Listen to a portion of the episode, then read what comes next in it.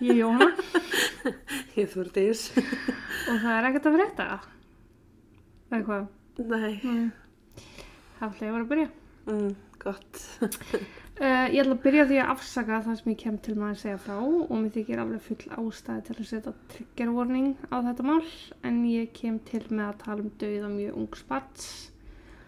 Ég gerði mér ekki alveg grein fyrir viðbjóðunum fyrir en ég var komin á kaf í málið. Byrjum þetta á því. En hann John Sharp fættist í Mornington í Ástralíu þann 28. februar 1967 og var sonur þeirra Valerie og Miles Sharp. Hann var einn af sex sískinum næst yngstur í rauðinni og voru þau alin upp í, eins og ég segi, já, Mornington sem var svona frekar rólegt umhverfi. Fjölskyldan var rosalega samhældin og svona mikil fjölskylda. Bara mikil fjör og örgulega rosalega mikil læti með, með sex börn. Sex börn. Sex börn, Sæt. já, og þar af voru sko fimm stelpur held ég. Ah. Já, tvær. Það er rosa mikil læti. En þau fengu öll bara mjög mikla ást og alúð alla tíð. Sem krakki var John frekar ófélagslundur. Hann var vandræðilegu krakki og reyti alfarið á fóreldrar sína. Hann kunni með yngum móti að takast á neitt sem allunum álægi eða stressi. Já, Hann ok. bara, þú veist, kunni það alls ekki.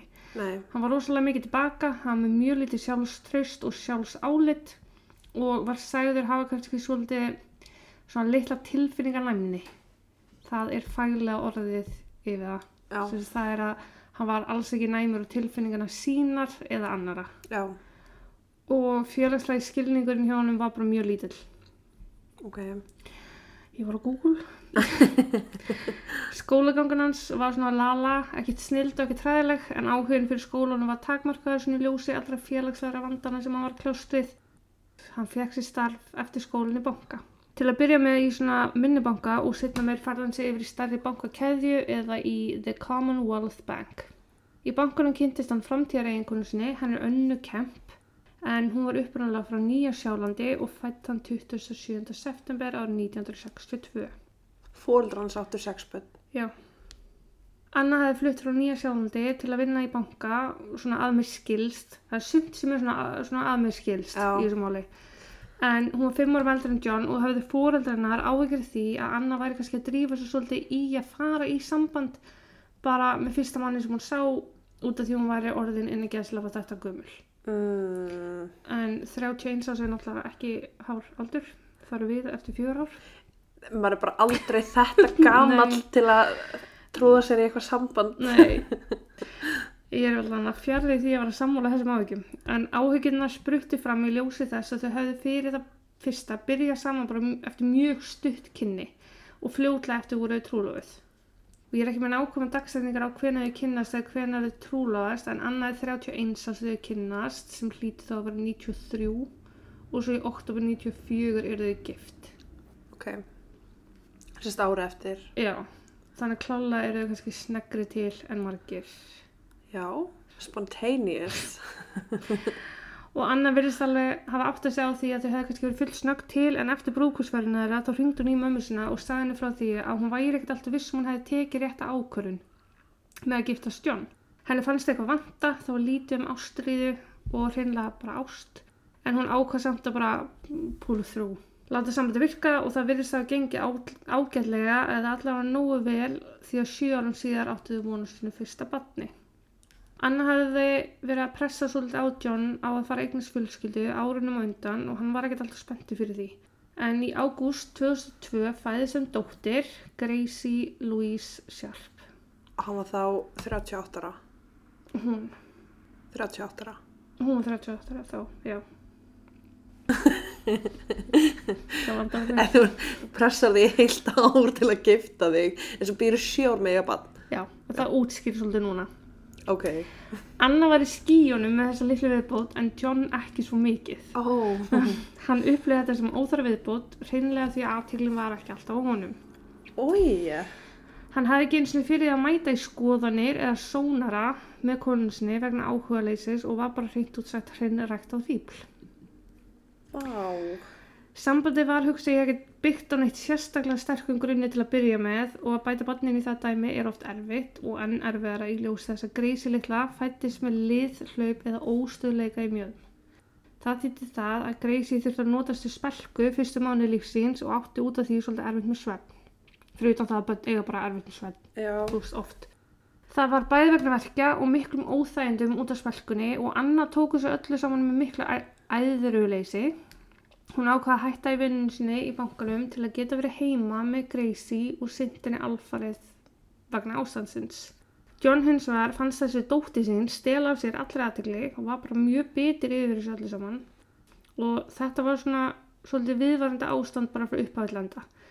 Fyrst var Gracie í þessari spelku sem Gracie var bara, þú veist, það var bara mjög erfitt fyrir hana og fóröldur mannar, söfleysið sem var svo bara vandamál áfram þó að Gracie hefði losnaði spelkuna. Hún átti erfitt með að borða og hún uni sér bara ekki nógu vel fyrstu mánuði lífsins og þetta fór allt saman bara mjög mikið í tauganar á John. Fannst bara óbúslegt vesen á þessu litla barni. Hvað? Ég bara fá þar sem hún sagði í byrjun og ég svona, Já. John hefði hætt vinnunni sinni í bankunum líka en þau hefðu eignast smá pening á því að kaupa hús og gera þau upp og selja þessu aftur. Og bara með fínum hagnaði og gáttu því setni part ársins 2003 keif sér fallega eign til að búa sér til framtíðar heimili. Og John ákvað þá að hann ætlaði í svona flutningabusiness, svona flutningabílabusiness, keira, já, já, já. ég er búin að týna öllum orðunum í dag. Svona sendi vera, já, Bílstjóri bara. Einmitt, akkurat. Þannig að hann var orðin vinnandi heima sjálfur. Frítíman sinn notaði hann í allt annað en fjölskyldun sína. Hann var bara svona að dúlla sig við eitthvað ný áhugamál eins og að kaupa sér spjótbissi og skjóta af henn út í garði. Hann hafði engan áhuga að veiða eða neitt hannig áður. Hann bara keipti þessu spjótbissi og var alltaf að skjóta af henni út í garði. Í hvað? Bara ekki neitt. Ah, Bara æfa sig. ok. Fljótlega eftir húsnæðskaupin komst annað því að von var á öðru barni og hún var miklu meirinn í skíjónu með það. Þau áttu von á litlum stráki þetta skipti og Anna gæti ekki beðið eftir að sjá Gracie litlu þessi stóru sýstur. Litla stráknum í bumbunni var gefið nafnið Francis. John var ekkert sérstaklega hrifin af fyrrabarninu hvað þá að bæta við öðru í dæmið og var bara rosalega upptekna því að þetta myndi orsaka það að enn minni aðtekli var á honum. Aftur síndan meðgöngunni mjög lítinn áhuga og í þetta skipti hann sig ekki einu um að vita kynið. Hún var bara skýtsama og ekki þannig skýtsama að skipta hann ekki máli hvort kynið hann er að fá, eins og. Já, Hún var bara innlega skýtsama að það Um. væri vonaður barni. já, Hún langaði ekkit í annað barn, hún langaði ekki fyrir barnið. Anna var svo gengin rúma fimm mánuði um miðjan mars ára 2004 og enginn sá neitt aðtöðavert við hjónabandið eða heimilislífið. Það kom því sem reyðislag þegar Anna var horfin þann 23. mars og John sagði öllum sem vildi heyra að Anna hefði farið frá sér og Gracie fyrir annan mann. Hann hafði þó byrjað að segja við fjölskyldu önnu þegar reyndar hingja veist, og hafa samband og spyrja hvað hann væri, bara mjög lélar afsakina okkur hún kæmi til dæmis ekki í síman að hún væri út í bæ, hún var út í búð hún var upptekinn en hann breytti fljótlega sögunni í að hún hafi farið frá sér þess að byrja með því að hann bara í einhverja daga er hann bara með lélar afsakanir okkur hún, okkur er ekki hægt að ná í hún hana er bara allt í hennu aldrei heima. já, og breyti því svo í að hún hefði farið frá sér Mm, ok. Hann let fjölskyldu önnu vita þessu í gegnum tölvupóst og símtöl en þau byggu jú í Nýja Sjálandi þaðan sem hún var. Hann sagði önnu hafa átt í ástasambandi við einhvern mann í einhvern tíma og væri núna búin að fara frá honum. En hún kæmi jafnvel síðar til þess að sækja Gracie. Greisi var sérst hjá honum. Já, býttu bara. Hann bað fjölskyldanar og vini að hætta að reyna að hafa samband við hana því hún þyrfti tíma til að vinna úr nýju aðstæðum. Og hún myndi hafa samband við þau setna. Þetta keipti fjölskyldan alls, alls ekki, en það lifði annað fyrir Gracie og átti vona á öðru barni. Hún myndi aldrei nokkuð tíma að skilja Gracie eftir. Hún myndi ekki pakka í töskur að fara. Hún var líka strangt trúið og framhjóld var einhver sem hún, hef, sem hún hefði aldrei gert. Já. Hún hefði ekki einu sinni viljað bakka út á ákvörðunum sinni árið 1994 að giftast John vegna trúsinar og þess þá heldur fara bak við hann og halda fram hjá honum. Já. Anna verði heldur ekki svara símanum, tölvupóstum eða neinu þannig þeim stóðu ekkert sama lengur. Áhugirnar uksu þegar John sagði að Anna hefði komið heim, tekið Gracie og stungið af út í legubíl. Myndi þetta? Legubíl. Og hún hefði tekið hana. Já. Sérst, ok. Hann sagði líka frá því að hann var vissum að Francis, litli strákurinn sem hún, var ófylska, væri líklegast ekki hans heldur ætti ástmaður um barnið. og hann bara gerði mjög lítið úr þessu, talaði bara við ættingjarnar og vinum um það ætti ekki að hafa af þessu. Hún væri bara að taka sinn tíma í þessu öllu saman og vinna úr tilfinningum og hún myndi bara hafa samband síðar. Mjög slakur yfir þessu framhjáldi, sko. Já, Var- einmitt, það er bara eitthvað svona, já, Já. Svo allt í einu, tæplu viku eftir að annað hverfur, sendur hún tölvupúst. Í tölvupústunum stóð að hún var aðlæðast nýja lífinu með mannunum sem hún fór frá John með. Vá, skildur þetta? já, Já. Gracie var aðlæðast og baði um tíma til að fá að halda áfram að aðlæðast og þau yrði bara bandi síðar.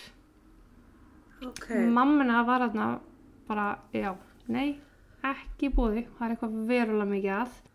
Þessi tölvupústi hljómaði ekki eins og eins og Anna og hún ákveði því að hafa samband við yfirvöld í Nýja Sjálflandi og láta vita af ákveð sínum. Að Anna og Gracie væri týndar eða í höndum einhvers sem væri bara búa til eitthvað plott. Það væri eitthvað spil í kringum korfið. Lauruglun Nýja Sjálflandi tók þessum upplýsingum alvarlega frá fyrsta degi og hafði samband við yfirvöld í Ástralju og deildi upplýsingunum með þeim. Ástralsku yfirvöldin taka þessu líka alvarlega en það var um að ræða ófríska konu og 20 mánu eða rétt rúmlega eins og hálsaskamspann og fara því heim til fjölskyldunar til að tala við John. En hérna voru leiðina tvær þrjár vikur síðan annaði síðast sérst.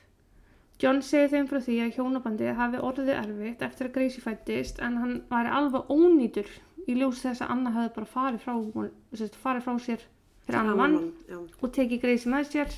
Hann vissi að þau voru eiga við erfiðleika í hjónabandinu en grunaði ekki að hún myndi taka upp á því að fara að halda fram með sér. Mm. Hann hafði síðan að fara upp í silflitaðan bíl daginn sem Anna sótti Gracie og svo varu þau búin að hitta sér tvígang til að ræða framhaldið og allt á mjög vinalum nótum. Þannig að hann segir sko fyrst að, að hérna hún hafi farið upp í leigubíl og núna er hann að segja við lögreglu að hún hafi farið upp í silflitaðan bíl. já, Lauruglan bara ok og byrjum um að fá að skoða um í húsinu til að sjá hvort einhver sé óvinnilegt eða skrítið. John var bara samstarfshús og segi já ekkert mál og leit allt út fyrir að vera bara nokkuð eðlilegt nema dínan í hjónaherbygginu var horfinn.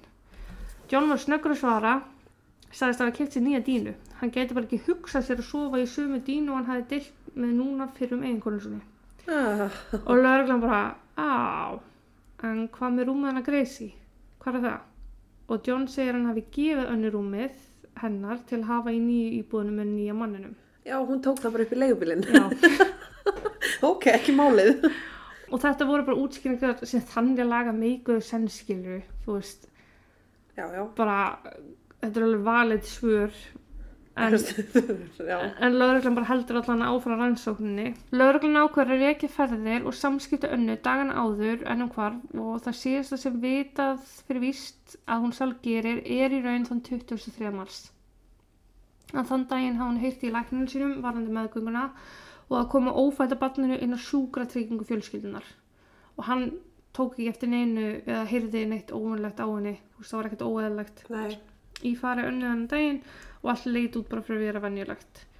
En lauruglan aðtöðar þessa hérna, leigubílusöðu Johns að þau frétta af því að hann hefði talað á leigubíl og sér leita bíl. Já, og hefur samband við bara alla leigubílustöðar á svæðinu og komið ljósi að engin leigubíl hafi farið heim að hérna, heim til fjölskyldunar, já. Hvað þá að sækja rúmið? Einmitt.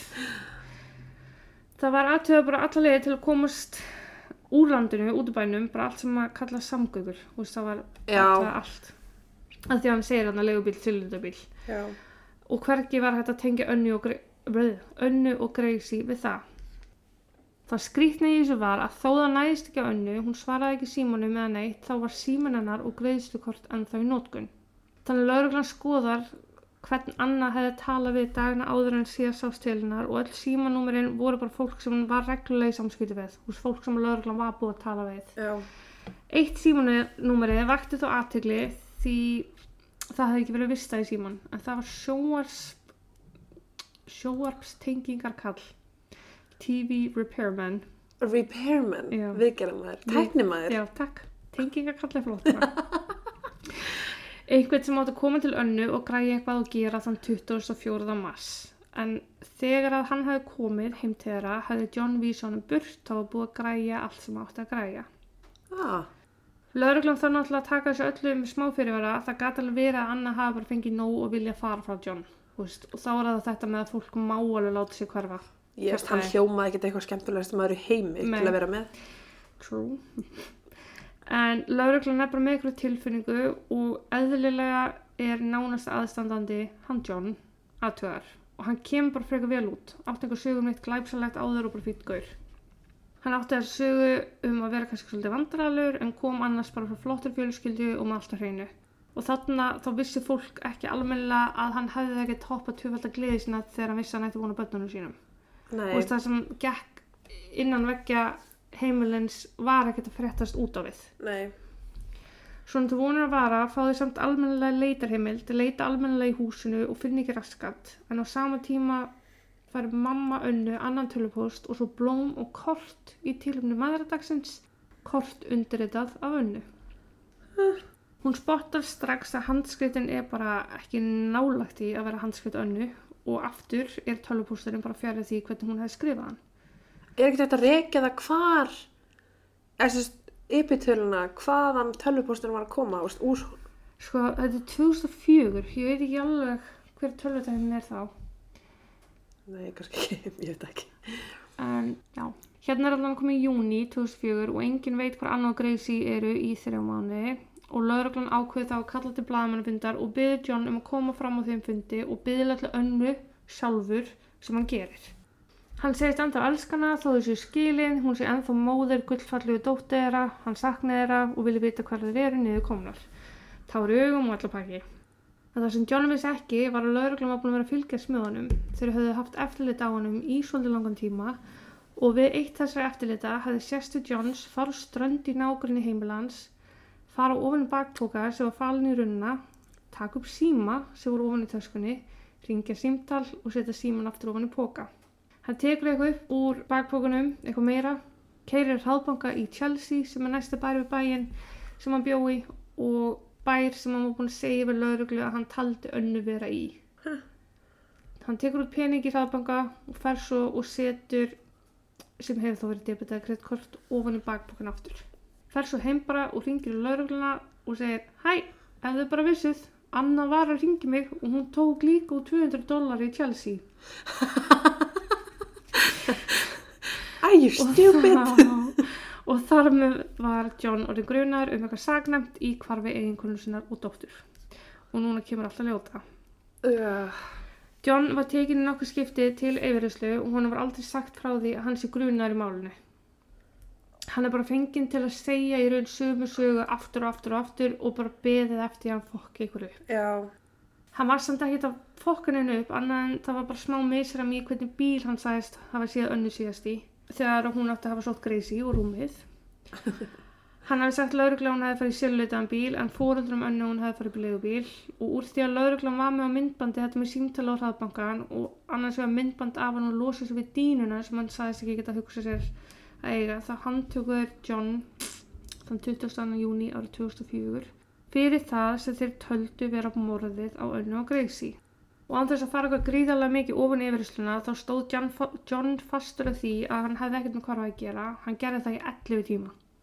Láruglan fór óhefðbundna leið uh, en þau ráð fyrir sig við fjölskyldu Johns síndu þeim sannunagögnin til að sína þeim af hverju John lægjandi grunn og til þess að fá þau með sér í lið já, og það skilaði því að John að lókum játa á þessu morðið á einhvern sinni og tæpla tvekjur dótt sinni.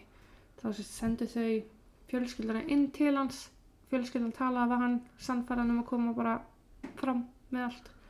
Þau fór út, lagum kom inn og hann bara, "Jú, ok, ég gerði það. Ó, þetta er bara Chris Watt 0.1 Aha, Já, talaði fjölskyldan hans já, allt. það er ástæðan fyrir að hann játaði Nú, mm. ég er ekki nógu vel að ekki máli sko.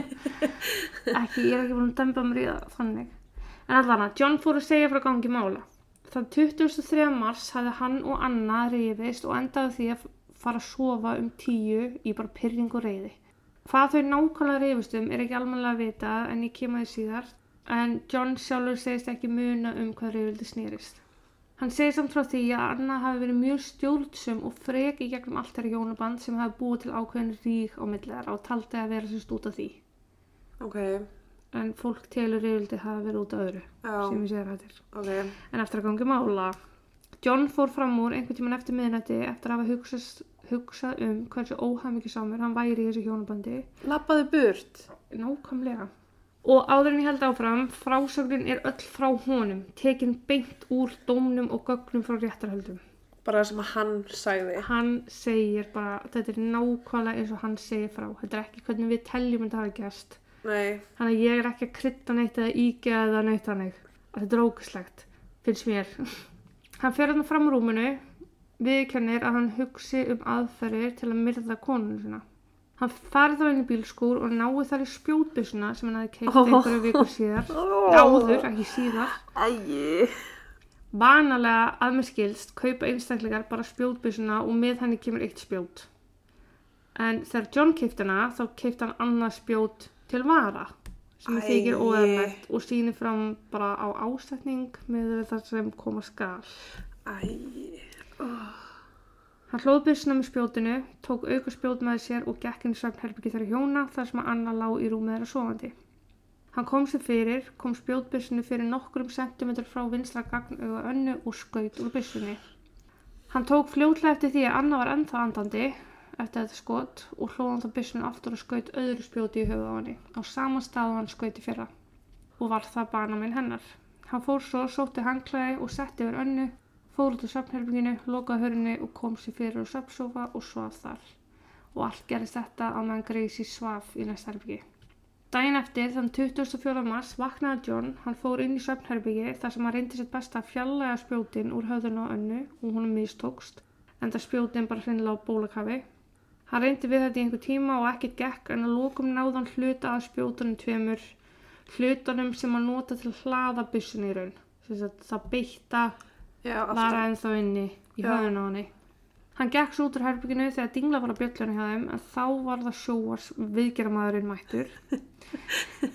Sjóarsmaðurinn sem að ma- Anna hefði pantað. Honum gæti John að sjálfsög ekki tekið á móti svo hann vísa honum aftur dyr og sagði allt verið himnalagi hjá þeim núna. Hann græjaði Gracie, fór mann að leikskólan og fór aftur heim þar sem hann gróf önnu í grunnri gröf í bakarannum.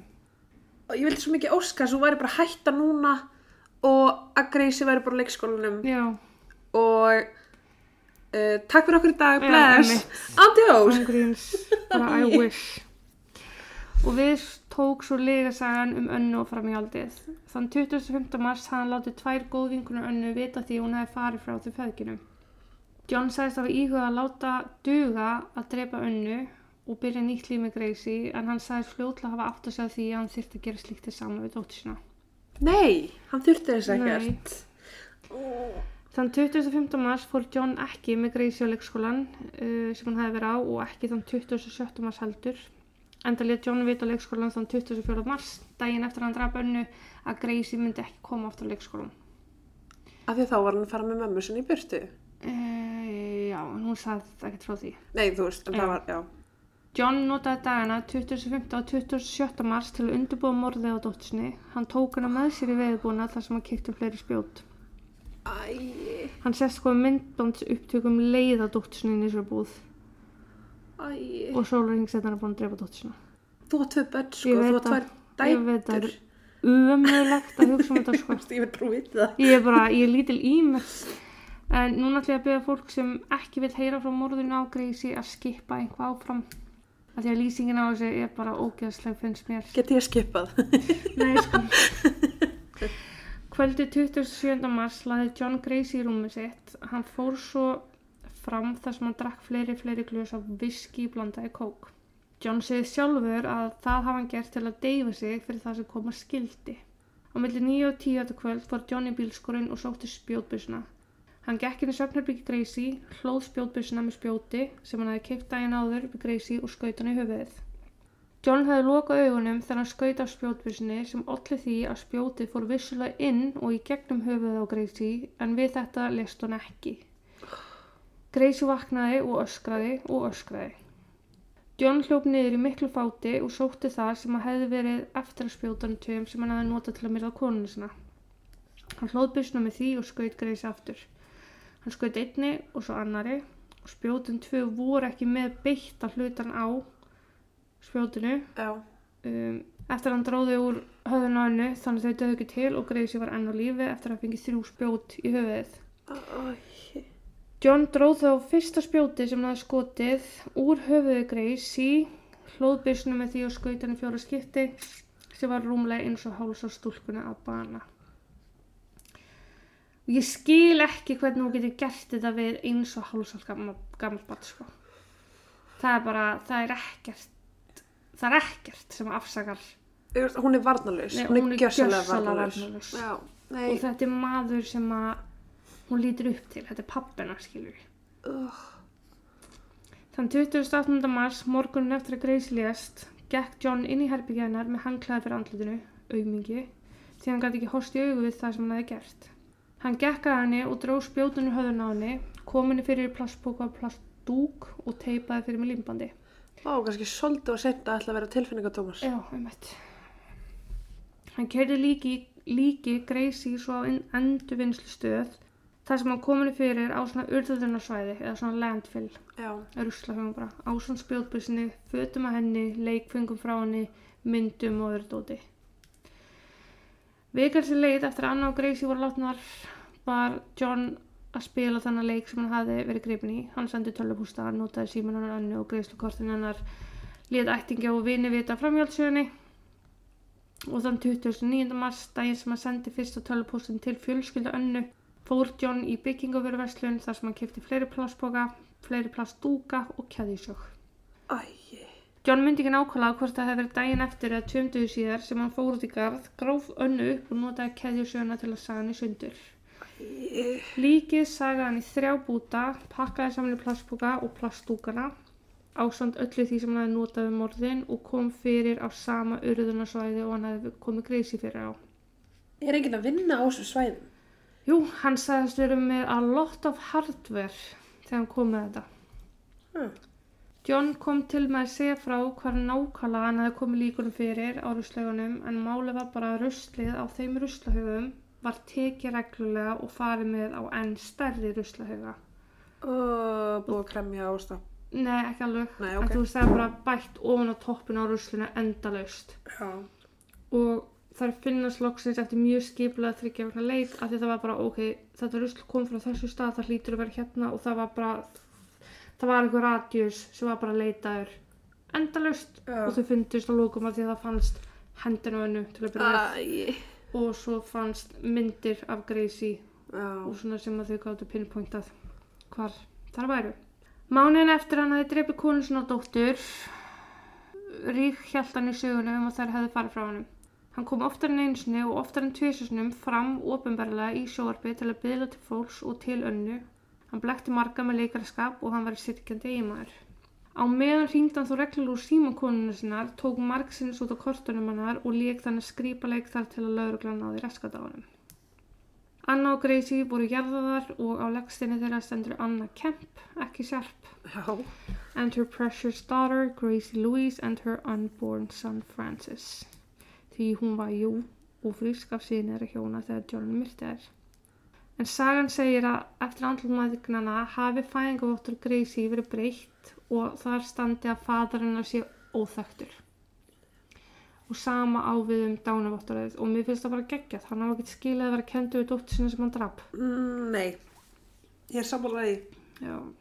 Þannig allavega John viðkynni sagt sína strax bara ánálsvesens þannig að dómsmáli var ekkert vesen og var í rauninni ekkert annað en dómskvaðning um, í ljósi hversu ógeðslega sorglegt og ómannulegt máli var reyndur lögfræðingar Johns að sjá þess að dómskvaðningin væri ekki opinn og allt er lokað og enginn fengi vita neitt og rökið þeirra voru hreinlega they are perhaps for many too awful to contemplate hreinlega að gjörður hans væri ofræðilega fyrir fólk að skilja og melta Ó, já.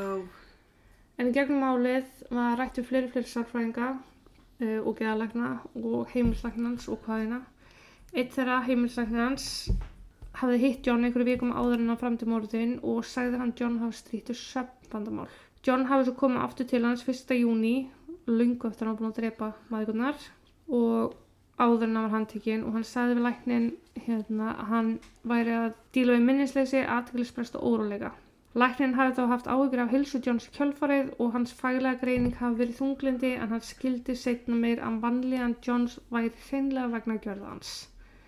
Þú veist, hann er að koma til hans og hvart yfir því hann líður ítla eftir að vera búin að drepa konunni sína og börnin sín. Það er bara að leiða mér að segja börnin sín. Já, ég, hérna, ég ætlaði að mynda bara að spyrja, þú veist, var hann ákærðið til dæmis fyrir hérna ófættabarnið? Mm -mm. Nei! What? Jip. Það er Sem að þú veist, í, það var þannig í Chris Watts málinu en það var líka algjör undantekning held ég.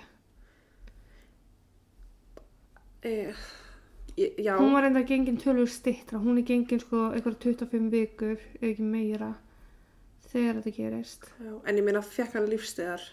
Það fikk, já, ég segi frá því betur eftir sko. Já, en, ok, já, já. En hérna, John hafði ju alltaf strýtt við mikið þunglindi og þetta sem ég nefndi í byrju málsins kunni ítla að díla við hvers kynns vandamál og uppakomur og átti erfitt með tilfinningar, félagsfælun og allt það kjátaði. Já, búhú. Já, ángríns, ég bara, pff. Já. En eina sem læknar gátti fundið að honum var að honum var ógnað að dóttisni og svo ég taki undir orðlæknisins sem er alveg fráleitt og út í hött. Læknirinn var bara, það er absúrt að það eina sem hættir að finna að þessum manni er að hann var bara afbrýðisamur og ógnað af eins og hálfs gammal dóttisni. Að hún myndi fá meira aðtekli heldur en hann. Það er kvartinn á bakvið þetta. What? Læknarnir og sérfræðingarnir töldu hann ekki hafa framið morðin í neinu geðrófið en eitt slíkt. Hann væri ekki með neina geðraskanir sem hann geti búrið fyrir sig. Hann hreinlega brást vittlust inn að geðslappa við álægi. Bara hann var fyrir ál, álægi og þetta var hvernig hann ákvaði að díla við það. Hmm, eða þú veist, ok, kannski skyndi brjálega þetta rifrildi þeirra, Já. þú veist, að drepa konuna. Mm. En tvið myndum setna. En að sofa skyndi brjálega af þér, En sko, stundabrjálega. mér styrtabrjálega, já. Whatever. En sko, er það, þú veist, mér finnst það er ekki skyndi þú ert að liggja upp í rúmi í nokkar klukkutíma, hugsa um að drepa konuna hérna. Nei, það er bara ásetningur. Já, og ferð svo og sækir byssuna, lappar upp, skýtur konuna hérna tvisasnum í höfuðið Mhm. og grefar hún svo í garðinuðinum. Það er bara ekki neitt annan ásetningur. Ég, veist, ég myndi bara frekar að segja að þetta væri drápskvöld eða eitthvað sko. Já, en hann var nefnilega ekki talin líklega til að fremja svona glæpa aftur. Að þetta sé ekki síbróta minnstur. Huh. Mm. Þannig að hann eignast konu sem að, Hann alltaf bara eignast ekki neitt sem betur fyrr. e, það er enda rétt. Já, ok, Já. En dómarinn var mjög harð orðaður í garðans. Uh, hann talaði um að það var ekki möguleiki á klína gjörðunum á bræði, reyði eða gáleysi. Ásetningunum var mikill, glæpirni voru ófreskulegir. Hann myrti konu sína ófætt barn og tveimu dögum síðar 20 mánuða gamla dóttir sína. Dóttir sína sem hann bar lagalega skildu til að venda og passa. Æ, Í ljósi glæpa sinna fekk John 33 ára fangilstóm án möguleika á reynslaus þá þýðir það ekki hann losna eftir 33 ár. Eftir öll 33 árinu liðin er málið tekið fyrir aftur og hann er þá metinn hvort hann fá sleppur fangilsi sem ég tel afar sérst, ólíklegt að gerist. Eða mann, að ég er allar að vona að það kom ekki til að gerast. ég meina ef að þið halda að hann sé ekki að hætta fyrir samfélagið og mun ekki gera þetta aftur, þá er mjög líklegt að sleppa honum. Já, vonandi bara að gerist eitthvað 33 árum. Vonandi fara bara COVID og og hún var bara eitthvað drepana þegar hann þurfti að hann þegar dómur var kveðin upp fyrir honum þá var hann búin að setja í einangrun allan tíman af því að það vildi allir drepa hann. Þetta er barnamorðingi, Já. sko. Já. en það er engin nokkuð leið að skilja hvað John, John gekk til þessa tvo sikur daga þegar hann draf önnu og Gracie hvort að það hafi verið að álagspunkti var náð einhvað geðrof eða hrein ílska komið aldrei til maður vita fyrir víst en fjölskylda Johns er þó með kenningu hvað getur að gengja á Þegar John var yngri, mörg, mörgum árum áður en hann kynst önnu, hafði hann gert sigur um batnanýð. Ah, Það voru glæpir sem hann var aldrei gripin fyrir skilsmér eða dæmdi fyrir, en fjölskylda hans er vissum að Anna hafi A. komist að fortíðin hans eða B. komið að honum að misnota Gracie. Og þau finnst setna líklara heldur en hitt. loka svona fólk inni. Mm -hmm. og ég Þetta er alltaf bara til að bæta meira ógeð og ógeð, sko. Veist bara, er eitthvað fleira sem að, Nei, þetta er búið núna, sko. En þú veist, það sem mér finnst svo magna er bara hvernig, þú veist, reyðin í kringum þetta var svo mikil að þeir sem komu að dómsmálinu, þú veist, það segir hérna the prosecutor, hvað er það, kjörveldið, ákjörvaldið.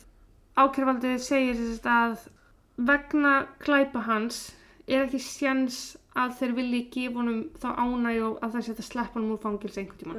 mm, hann hann kom alltaf til með að vera í fangilsi bara fyrir glæpisina. já, Þó svo þeir gefa hann bara 33 ár og þeir ætla ekki að taka miðin í myndina að þetta hafi verið stundabrjálaði eða þetta hafi verið óvart eða þetta hafi verið, þú veist, út af álagi eða eitthvað þannig. Þeim er bara skýt sama. já, Bara að þetta var ófreskilegi glæpir og hann skal bara gjalda fyrir það. já, já, það er rétt, hann að það er ekkert, þú veist, hann bar svo sem ekkert fyrir sem hefði verið eitthvað geðugur hann sagði bara að konan var svo erfið og barnið var svo erfið og þú veist that's life, skilur við já, um bara börn geta verið erfið og konan að geta töðað ég veist bara, akkur ekki búin að gelda þig, já, að, nákvæmlega, okkur var hann ekki búin að taka svo sambandi ef hann ætlaði bara að regna spöld um þú veist, ef hann langaði ekki börn eða nota fokkin smokk auðmikið ég er bara,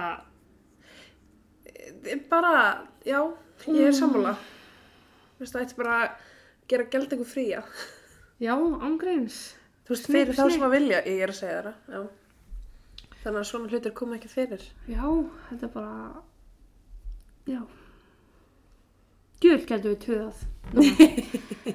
Já, Ég ætla að láta það eiga sig. Meira var það ekki í, frá mér, ég er bara lítið límur eftir þetta mál. já, Þannig að ég ætla, já, svolítið. Fullri reynskilni. Um, já, hefur eitthvað við þetta bæta? nei, Nei, svo sem ekki, John Sharp er auðmingi og ég myndi klippa undan á honum ef ég myndi hitta hann einhvern tímann. ég bara, ég skal bjóðst til að klippinda á hverju sem er, Jæja, herru, meira var það ekki byrja frá okkur í dag, eða frá mér. nei, Þóttís er með næsta. Já, herru, ok, takk fyrir mig, takk og bless. takk og bless,